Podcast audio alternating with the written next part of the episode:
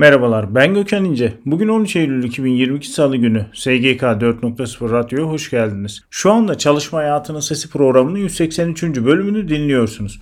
Programımızda çalışma hayatına ilişkin güncel gelişmelere özet halinde yer veriyoruz. Programımıza başlıyorum. Hap gündem. Milli Eğitim Bakanlığı tüm okul servis şoförlerine halk eğitim merkezlerinde iş sağlığı ve güvenliği eğitiminin verileceğini açıkladı. TÜİK 2022 Temmuz ayı işsizlik oranı %10.1 olarak gerçekleşti. İşsiz sayısı 3 milyon 445 bin kişi oldu. İstihdam oranı %47.3, İstihdam edilenlerin sayısı ise 30 milyon 608 bin kişi olarak açıklandı.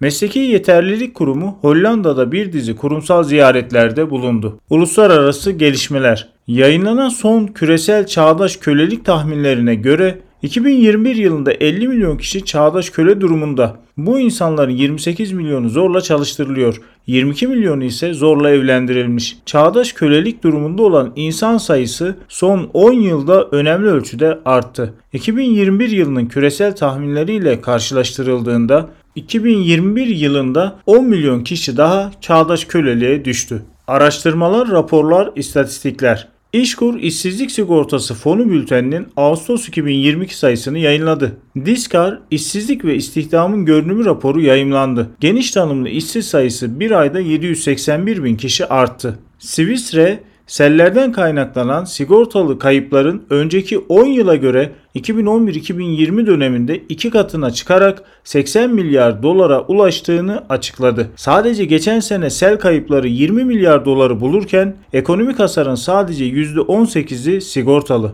Yatırım dünyası girişimcilik. Türkiye'de e-ticaretin öncü markaları arasında yerini alan Yemek Sepeti, büyük ilgi gören teslimat robotu Yebo'nun AVM'de çalışan versiyonunu hayata geçirdi. İlk olarak Akasya'daki anlaşmalı restoranlar için çalışmaya başlayan Yebo teslimat robotunun iş mekanlara özel tasarlanmış versiyonu pek yakında farklı konumlarda da hizmet verecek. İstihdam Jandarma Genel Komutanlığı 7500 personel alacak. Sempozyum etkinlik ve eğitimler. İstanbul Barosu Kişisel Verilerin Korunması Komisyonu ve Başakşehir Üniversitesi Hukuk Fakültesi Bilgi Teknolojileri ve Hukuk Kliniği işbirliğinde kişisel verilerin korunması hukuku bugünden geleceğe bir bakış konulu etkinlik düzenlendi. Ben Gökhan İnce, SGK 4.0 Radyo'da Çalışma Hayatının Sesi programının 183. bölümünü dinlediniz. Programımızda çalışma hayatına ilişkin özet gelişmelere yer verdik. Programımızda yer verdiğimiz gelişmelerin detaylarını e-posta bültenlerimizde bulabilirsiniz. Bir sonraki yayında görüşmek üzere.